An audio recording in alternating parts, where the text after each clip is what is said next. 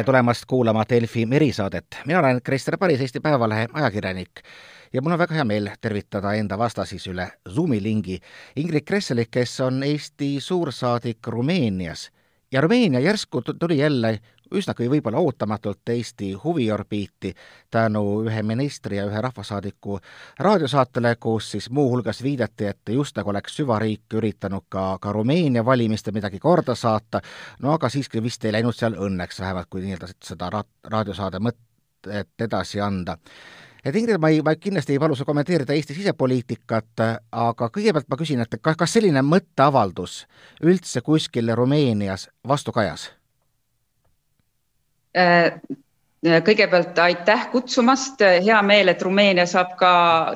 Karpaatias olles saab ka natukene tähelepanu äh, kas ühe või teise väljaütlemise pärast või tegelikult ta on saanud juba viimastel äh, nädalatel tähelepanu tänu valimistele tõesti, mida käis siin ka vaatlemas Marianne Mikko ja mida siis kommenteeriti ka äh, mõnes teises Eesti äh, raadiosaates ja telesaates. Et ähm, mm, nii äh,, Rumeenia on siiski Eestist nii palju kaugel Karpaatide taga, et, et siin äh, meedias seda väljaütlemist ei ole tähele pandud, küll aga loomulikult paneb seda tähele Rumeenia saatkond Tallinnas, kelle töö on meediat äh,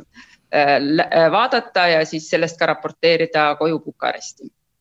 vaatame nendele valimistele otsa, et kui vaadata seda meediakajastust, mis üldse Rumeenia valimistest oli, siis tundub, et suurim võitja valimistel oli, oli apaatia. kõigest kolmkümmend kuus protsenti tuli välja, et nii madalat osavõttu vist pole Rumeenia pärast Ceausescu kukutamist näinudki, et, et mis siis juhtus, et kas see enamasti apaatia on siis, kui inimesed on kas täiesti pettunud süsteemis või on kõik nii hästi, et noh, pole nagu mõtet valimistele minnagi no,? ikkagi see aasta kakskümmend, kakskümmend seda tähistab pandeemia, eks ole, ja see on ikkagi eri, erakorraline olukord, et mida me saaksime, mille, millega ei ole nagu teist võrdväärset nii-öelda lähiajaloos meil tuua, on ju. Ja see noh, seal on nagu kaks või kolm elementi, miks nii madal osalusprotsent oli kolmkümmend kaks protsenti tõesti, et noh, üks on see, et umbes enam-vähem kaheksateist kuu jooksul on toimunud neljad valimised Euroopa Parlamendi presidendi, kohalike omavalitsuste, mis olid alles septembri lõpus ja siis äh, detsembri alguses nüüd üldvalimised, eks ole, mis olid regulaarsed. loomulikult on noh, tavakodanik ju, mis, mis ta seal vahest siis nii väga käib, on ju, et äh, vahest käib kokku saamas maa, maapiirkondadest tuttavatega või täidab kodani, kodaniku kohust või mis iganes Äh, noh, see on üks asi, teine asi on see pandeemia olukord, mis ma ütlen, et paljud inimesed ei läinud valima tõepoolest äh, sellepärast, eriti niisugune haritum kildkond, kuna nad ei tahtnud sinna mm, äh, valimiskastide juurde ja valimisosakondadesse minna, kus neil on võimalus kokku puutuda võimalike viirusekandjatega ja, ja see tegelikult tõi välja, miks valimistel sai nagu täiesti ootamatult, täiesti keegi ei, tõesti ei oodanud seda. Äh, sai täiesti süsteemivastane partei äh, ligi kümme protsenti häältest on ju, kes alguses arvamusküsitlustel oli viieteistkümnendal, kuueteistkümnendal kohal, et ma arvan, et siis tulid välja tõesti need maskivastased ähm, korruptsioon või nende mm, konspiratsiooniteooriad teooria pooldajad, et kõik sellised, kes tulid välja, kes, kes ju seda viirust ei karda, sest seda ei ole olemas, on ju, eks ole, kes tulid siis valima. no see, see, see, millest jutt, jutt käib, on siis Rumeenia Ühtsuse Liit ja, ja et mm -hmm. kuidas, kui palju see, selle, see valimistel see nende mingisugune sõnum siis domineeris, sa ütlesid, et oli täiesti ootamatu. Ja ma, kui, kui, kui ma üritan ennast panna siin ise näiteks nendesamade Helmete nahka, kes siis ütlesid, et peaaegu nagu süvariik toimis, aga vaat siiski ei läinud õnneks, siis just see, et ei läinud õnneks, on see, et see mm, liit või erakond on nüüd siis parlamendis päris tugevasti esindatud, aga kuivõrd oli seal üldse sellist polariseerimist, nagu ütleme siin, et ütleme, kõik selle liidu vastu või, või ta ikkagi oligi täiesti, täiesti outsider? Äh, kuna selle seekordseid valimisi iseloomustab ka see äh, fakt, et äh, niisugust tavapärast kampaaniat teha ei saanud, aga kampaania käis ju pool aastat juba sotsiaalmeedias eriti ja neid konspiratsiooniteooriaid ja kõike seda ju levitab hästi palju just sotsiaalmeedias nii-öelda kolme klassi haridusega külakirjanik, kes võib kolme minutiga pika, pika jutu valmis kirjutada viirusest ja kust see tulnud on ja nii edasi, on ju, et et, et võib-olla seda tõesti ei ähm,, ei osata nagu arvestada kuivõrd see mõjutab inimesi. Ja kui siin ikkagi kuulad ja päris palju näed seda niisugust konspiratsiooniteooriate toetust ja juba kohe algusest saadik, kui äh, märtsis läks, äh, läksid asjad kinni ja viirus tekkis siia, siis kohalik äh, nii-öelda Päästeameti ülem, tohutu austus selle inimese osas, Raed Arafat on Palestiina pagulaste Süürias sündinud inimene. Tõi välja just seda mm, valeuudiste aspekti ja ma alguses nagu ei saanud aru, et mis, kuidas, kuidas need valeuudised praegu siin selle viirusega äh, nagu äh, seostuvad. aga, aga tõepoolest, et see, see niisugune mm, fake news'ide ja see, see mõjutas seda, seda kontingenti, kellel võib-olla varem olid juba teatud kahtlused äh, poliitilise eliidi suhtes veel nagu võimsamalt äh, positsiooni võtma või selle äh, valitsuse korralduste vastu nagu olema, sellepärast et selge on see, et valitsused siin, siin läks nagu kõik asjad enam-vähem kinni juba märtsis ja pole nagu õieti lahti tehtudki, et vahepeal võib-olla kuukene olid restoranid lahti on ju, koolid ka samamoodi enam-vähem kuukese. et, et noh, valitsus pidi need sammud astuma, eks ole, on ju. Et mingisuguseid meetmeid võtta jällegi, et sellega kritiseeritakse ju valitsus, valitsus saab igal puhul kritiseerida, on ju, et ükskõik, mis ta teeb, kas ta teeb, kas ta piirangud on liiga leebed või ta piirangud on liiga tugevad, kindlasti saab kritiseerida ühesõnaga, räägime kõigepealt natuke veel siis praegusest pandeemiast, et nagu ma aru sain, siis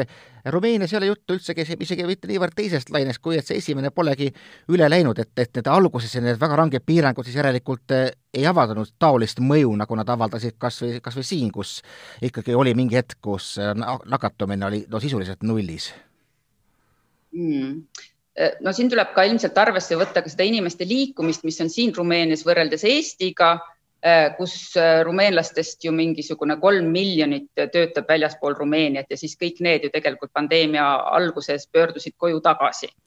Äh, pluss niisugune lõunamaine suhtumine vahest reeglite täitmisesse, vahest on vaja nagu lähedamalt kokku saada, et see,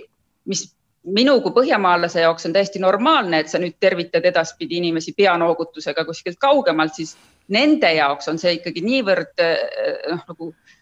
rakkusisene, et on vaja ikka kõiki vähemalt äh, käsi suruda, kui mitte suudelda ja kallistada, eks ole, et noh, et see niisugune lähedam olek äh, loomulikult paneb seda viirust kõvemini levima ja noh, rahvastikutihedus ka Eestis, eks ole, on ikkagi rahvastikutihedus on väga madal, on ju. Ehm, mhm. jah et ma tahtsin. et aga selles mõttes, et kas me räägime teisest lainest või nii edasi, et see, see tõus on siin olnud niisugune stabiilne ta on kogu aeg olnud nagu kõrgete numbritega, suvel ka samamoodi olid tohutult kõrged numbrid, olid seitsekümmend viis või midagi sihukest, kui meie rääkisime seal mingist viiest ja kümnest, eks ole, et me mäletame neid numbreid, et et nüüd on jah, et praegune number on siin nelisada, on tulnud kuuesaja pealt alla nakatumiskordaja ja, ja kui Eestis on viissada neliteist, eks ole, et praegu on Eesti mööda läinud ja paljud teised riigid on ka nagu hüppeliselt tõusnud, et siin on see tõus niisugune olnud kerge ja stabiilne kogu aeg ja vahepeal nüüd praegu on alla läinud, aga ma paneks sellega selle põhjuseks, et testitakse vähem. et pühade ajal on kindlasti, et noh, vaadates, et kui ütleme novembri keskel oli kolmkümmend kuus tuhat testi, siis noh, nüüd pühade ajal on, ütleme kümme tuhat või mingisugune niisugune arv, et siis tuleb sealt see ka sisse, et kõik ei no kuivõrd on, ütleme, rumeenlased seda noh, omaks võtnud, et, et see nagu pidevalt on olnud mingisugune surutis, no nagu sa mainisid, et nii-öelda igapäevases suhtluses mitte, aga sellega, et enam restorani vist ei saagi, et sellega siis äh, ollakse vaikselt lepitud? Äh, jah, ma siin kevadisel ajal äh, arutasin paari kolleegiga võrreldes ütleme põhjamaiseid mittepiiranguid ja niisuguseid lõunamaiseid, noh, eriti Hispaanias, kus võis ainult sada meetrit oma kodust äh, eemale jalutada ja siin oli ka suhteliselt ikkagi ei võinud, kõik pargidki olid kinni, ma ei saanud isegi parki minna põhimõtteliselt. Et, et kuivõrd siin on need äh, piirangud tunduvalt rangemad olnud ja ma arvan, et üks põhjus on see, et mis me tõime ajalooliselt on mingisugune diktatuuri taak, nii Hispaanias, Portugalis, Rumeenias on olnud diktatuur. võib-olla siis inimesed nagu aktsepteerivad seda niisuguseid rangemaid piiranguid lihtsamalt ja samamoodi äh, kui põhjamaised valitsused arvestavad, et inimesed on enam-vähem mõistlikud, siis siinsed valitsused arvavad, et nad peavad ikka neile mingisuguse trahvi peale keerama, sest muidu ei täideta kohustusi, et noh, mine võta kinni, stereotüüpne mõtlemine, et, et aga, aga nii see põhimõtteliselt on olnud, aga ja restorani, noh, rumeenlased on nutikas rahvas, on ju, ja kliima on ka parem, et siin on suvel on ikkagi terrassid lahti olnud, eks ole. ja, ja nüüd on ka niisugused ähm, nagu telgid on ehitatud, kes vähegi restoran saab, kellel on vähegi mingi terrass, on sinna äh, lambid pannud ja noh, praegu on meil väljas kümme kraadi, et siis ikkagi noh saab, saab istuda seal lambi all ja telgi all, et, et võib nii-öelda käia küll kohvikus, aga need, kellel neid terrasse ei ole, et need jah, on pannud oma nii-öelda mm, poe kinni no kui rääkida riigi usaldusest kodanike vastu, siis eks see on niimoodi kahe, kahe otsaga protsess ja ja nagu me vaatame ka mujal Euroopas, siis ega näiteks needsamad konspiratsiooniteooriad, millest me alustasime, et need väga tihti toituvadki usaldamatusest valitsuse vastu. mul oli siin eelmise aasta lõpus oli nun kui stuudios Anton Aleksejev, hea kolleeg Venemaalt, kes ütles, et vaat viiskümmend protsenti venemaalastest ei kavatsegi lasta ennast vaktsineerida. kui vaadata äh, mujal Euroopas, siis ma ei tea, Prantsusmaal mingi, mingi küsitlus viitas ka, et umbes nelikümmend protsenti on taolisi inimesi. kui minna Balkanile, sinna sulle lähemale, siis äh, üks küsitlus viitas, et äh, täpselt Kosovo serblaste hulgas on see protsent vaata et üheksakümmend protsenti. kuidas see, kui sügavalt imbunud või kui sügavale imbunud on need vandenõuteooriad nüüd Rumeenia ühiskonnas mm,? sellele on, noh, ma ütlen, et kui ma kuulan seda, seda ja näen seda toetust sellele aurile näiteks süsteemivastasusele või siis Päästeameti juhataja juttu, siis ma saan aru, et nad hinnanguliselt leiavad siiski, et see on oht. aga Rumeenia on väga ettevaatlik olnud nagu kogu aeg igasugusele riiklust ohustavale ükskõik, mis see võib olla, on ju, et eh, eriti, eriti, valeinformatsioonile, mis võib mõjutada seda ühiskonna sidusust. et sellega tegeletakse ähm, samamoodi, ega keegi ei tule sulle rääkima seda otseselt, mõned ütlevad jah, tõesti on ju, et seda ei ole olemas, aga, aga paljud ju ka ei räägi sellest, mida nad nagu tegelikult arvavad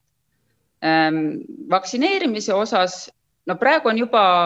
tervishoiusüsteemist päris hea, mingi neliteist tuhat Äh, kahekümne seitsmendast detsembrist alates ära vaktsineeritud, et neil on plaanis minna teise faasi ju, mis tähendab neid hooldekodusid ja esma, esmatähtsate teenuste pakkujaid kuskil jaanuari keskel, nii et tempokalt käib.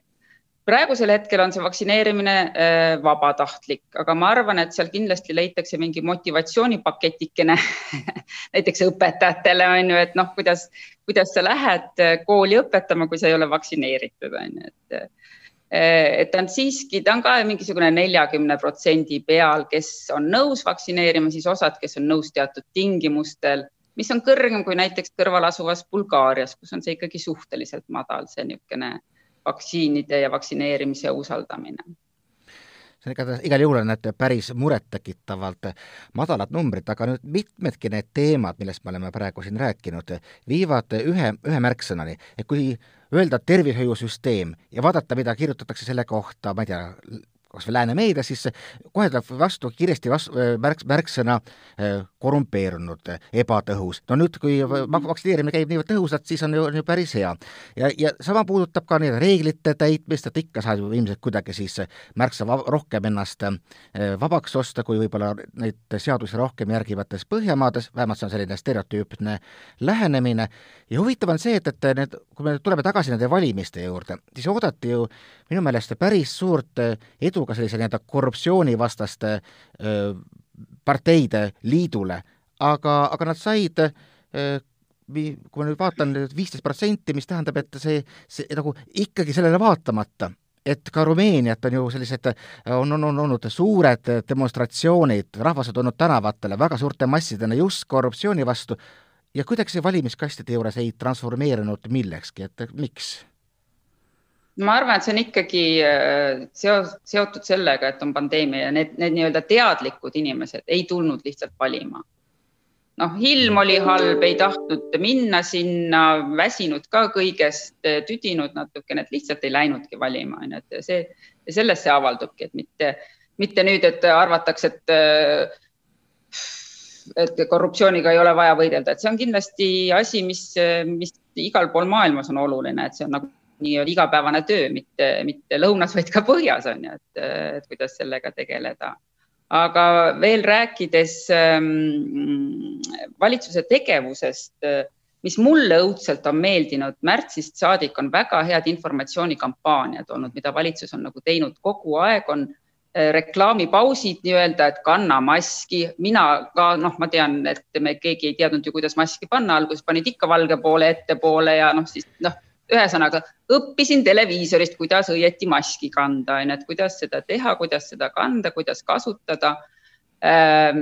noh, hästi palju niisugust informatsioonikampaaniat on ja nüüd selle vaktsineerimise osas ka valitsus on teinud, võttis selle programmi juba mär, äh, detsembri alguses vastu ja ma käisin, vaatasin ka nende kodulehte, mis annab nagu väga hea ülevaate, kuidas vaktsiine on välja töötatud, millised on, on, on olemas kui palju on testitud, mis on need kliiniliste testide faasid ja noh, tõesti no graafikud, kõik sellised asjad, et, et kui vähegi inimene läheb sinna vaatama, et ta saab sealt selle informatsiooni, et, et näiteks, et miks seda vaktsiini nüüd nii kiiresti töötati välja, et ku, kuidas selle, kui me räägime, et tavaliselt võtab see kaks aastat aega, et kuidas me juba nii kiiresti jõudsime vaktsiinini, on ju. et seal nagu nende, et mingisugused heakskiidud, mis muidu toimuvad peale kliinilisi teste toimusid samal ajal, kui kliinilised testid toimusid, et, et sellised, selliseid asju on nagu valitsus teinud jah, aga tõepoolest, et võib-olla kõik ei jõua selle informatsioonini, et see informatsioon on olemas, aga, aga just see, et on avalikus ruumis ja televisioonis on kogu aeg niisugused kampaaniad, et ma arvan, et see ikkagi mõjutab ka inimesi äh, Äh, nagu usaldama seda. no kui, kui järjepidev on olnud valitsuse teavituskampaania, mulle tundub, et nagu igal pool Euroopas, ma just eel, paar päeva tagasi suhtlesin oma tuttavaga Slovakkias, kes kurtis, et valitsus tõmbleb üks päev üks sõnum, teine päev teine, ma hakkasin kõva häälega naerma, et, et see tundub olevat refrään kõikjal Euroopas. Ja nüüd äh, kuulen, et võib-olla Rumeenia on isegi selles mõttes äh, positiivselt erandlikuna silmapaistev mulle tundub küll, et nad on suhteliselt kindlameelsed selles osas, et ma jällegi tõstan kaabut sellesama Raed Arafati suunas, et kes on nagu väga nõustav olnud president ja kogu seda kogu, kes kõiki neid otsuseid piirangute osas vastu võtavad ja keda ma olen nagu paar korda näinud, kes on öelnud, kes on niisuguse noh, kiirabiarstina või öö, Päästeameti töötajana, siis sa pead alati rohkem üle reageerima kui alareageerima, sest vaata, kui toimub kriis on parem, kui sa üle reageerid. Et võib-olla, et need meetmed alguses muidugi toimus siin ka märtsis-aprillis mingisuguseid niisugusi äh, nagu kauba teenust, kaupade liikumise kinnipanemise, mis, mis siis jälle tehti lahti, eks ole, et niisuguseid sahmerdusi loomulikult oli, on ju, et noh, ikka alguses juhtub, on ju aga nüüd on üsnagi kindlalt, kui novembris äh, läksid jälle koolid kinni, siin on äh, komandandi tund, äh, maskide kandmine on igal pool, aga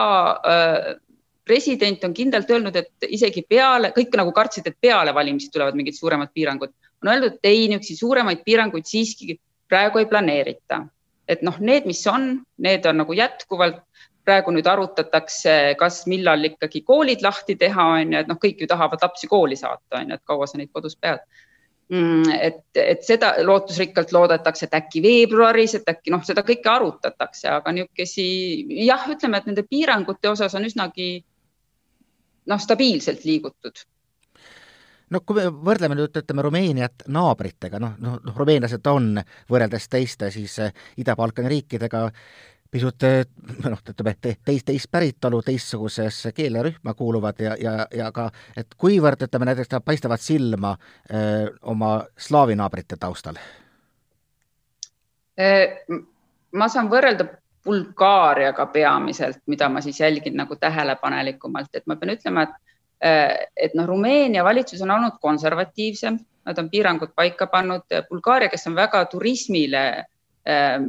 suunatud riik, on seevastu, on neid piiranguid nagu leevendanud varem ja väga kiiresti, noh, restoranid olid pikalt lahti, maske, nüüd ma käisin detsembris, maske praktiliselt, noh, tänaval pooltel olid võib-olla ees maskid, eks ole, pealinnas Sofias ka. ja, ja, ja noh, neil oli ikkagi turismi vaja, sest et see on nagu suur osa nende sellest ähm, sisemajanduse kodu, kogu produktist. samas kui Rumeenia äh, ei ole niivõrd välisturismile suunatud, vaid on nagu pigem on see siseturism, mis, mis neid toidab, eks ole. et inimesed liiguvad siin ringi. et selles jah, noh no, no ongi võrreldes Bulgaariat, Rumeeniat, et, et Rumeenia on tunduvalt stabiilsem ja järjepidevam olnud oma piirangutes, et hoidnud neid nii, et siis leevendanud suhteliselt lühikeseks ajaks, näinud, et jälle hakkavad numbrid tõusma, jälle kinni pannud, et noh, nagu nende restoranidega oli, nad olid umbes tõesti kuskil septembris kuu aega lahti, aga need terrassid on nagu olnud siiamaani kogu aeg lahti, et äh, samas kui äh, Bulgaarias kõik elu toimus kuni viimaste hetkedeni ja nüüd jälle äh, kavatsevad koole lahti teha, sest et numbrid on, kuigi nad on kõrgemad tegelikult kui siin Rumeenias, äh, tahavad äh, jällegi leevendada. no kõik, kes on olnud tugevate piirangutega, on kokku puutunud ka vastavate siis näitajatega majanduses, kui, kui stabiilseks on nüüd Rumeenia pärast seda kõike, kõike jäänud, et ma vaatasin, mingisugused teise kvartali kukkumisnumbrid olid ikkagi mõnevõrra suuremad kui, kui Euroopa Liidus keskmiselt mm. -hmm. aga neil on tavaliselt ka majanduskasv on suurem kui Euroopa Liidus keskmiselt. et nüüd see uus, uus äh, valitsus äh, ja peaminister Kõtsu, siis endine rahandusminister, kes on selgelt majandusliku taustaga, et nende eesmärk ongi siis ikkagi seda äh, majandust turgutada, et kõikide nende ettevõtete toetusmeetmed peaksid jõus olema kuni juuli lõpuni äh,. samuti äh, noh, igasugused avaliku sektori palgatõusud ja mingid õppe, hariduse toetused, kõik need, need nagu külmutatakse, noh, praegu käivad need eelarve läbirääkimised kakskümmend kakskümmend üks, et, et see on nagu nende eesmärk ikkagi jah, et peamiselt valitsus või seda mm, majandust, majandust nagu rohkem turgutada. et aga siiamaani nad on suhteliselt hästi hakkama saanud, et ma arvan, et siin on ka paar niisugust põhjust et rumeenlased on üsnagi palju, nendest on niisugused hunt kriimsilma üheksa ametit, kes teevad mitut tööd. siis on siin üsnagi palju niisuguseid suurkorporatsioonide regionaalseid kontoreid, sest ta on ikkagi turvaline riik, kus, kus on palju, ütleme Bukarestis on palju rahvusvahelisi koole, sul on kõik, kõik infrastruktuur olemas, on ju, et, et, et see jah, toimib. Horeca muidugi kannatab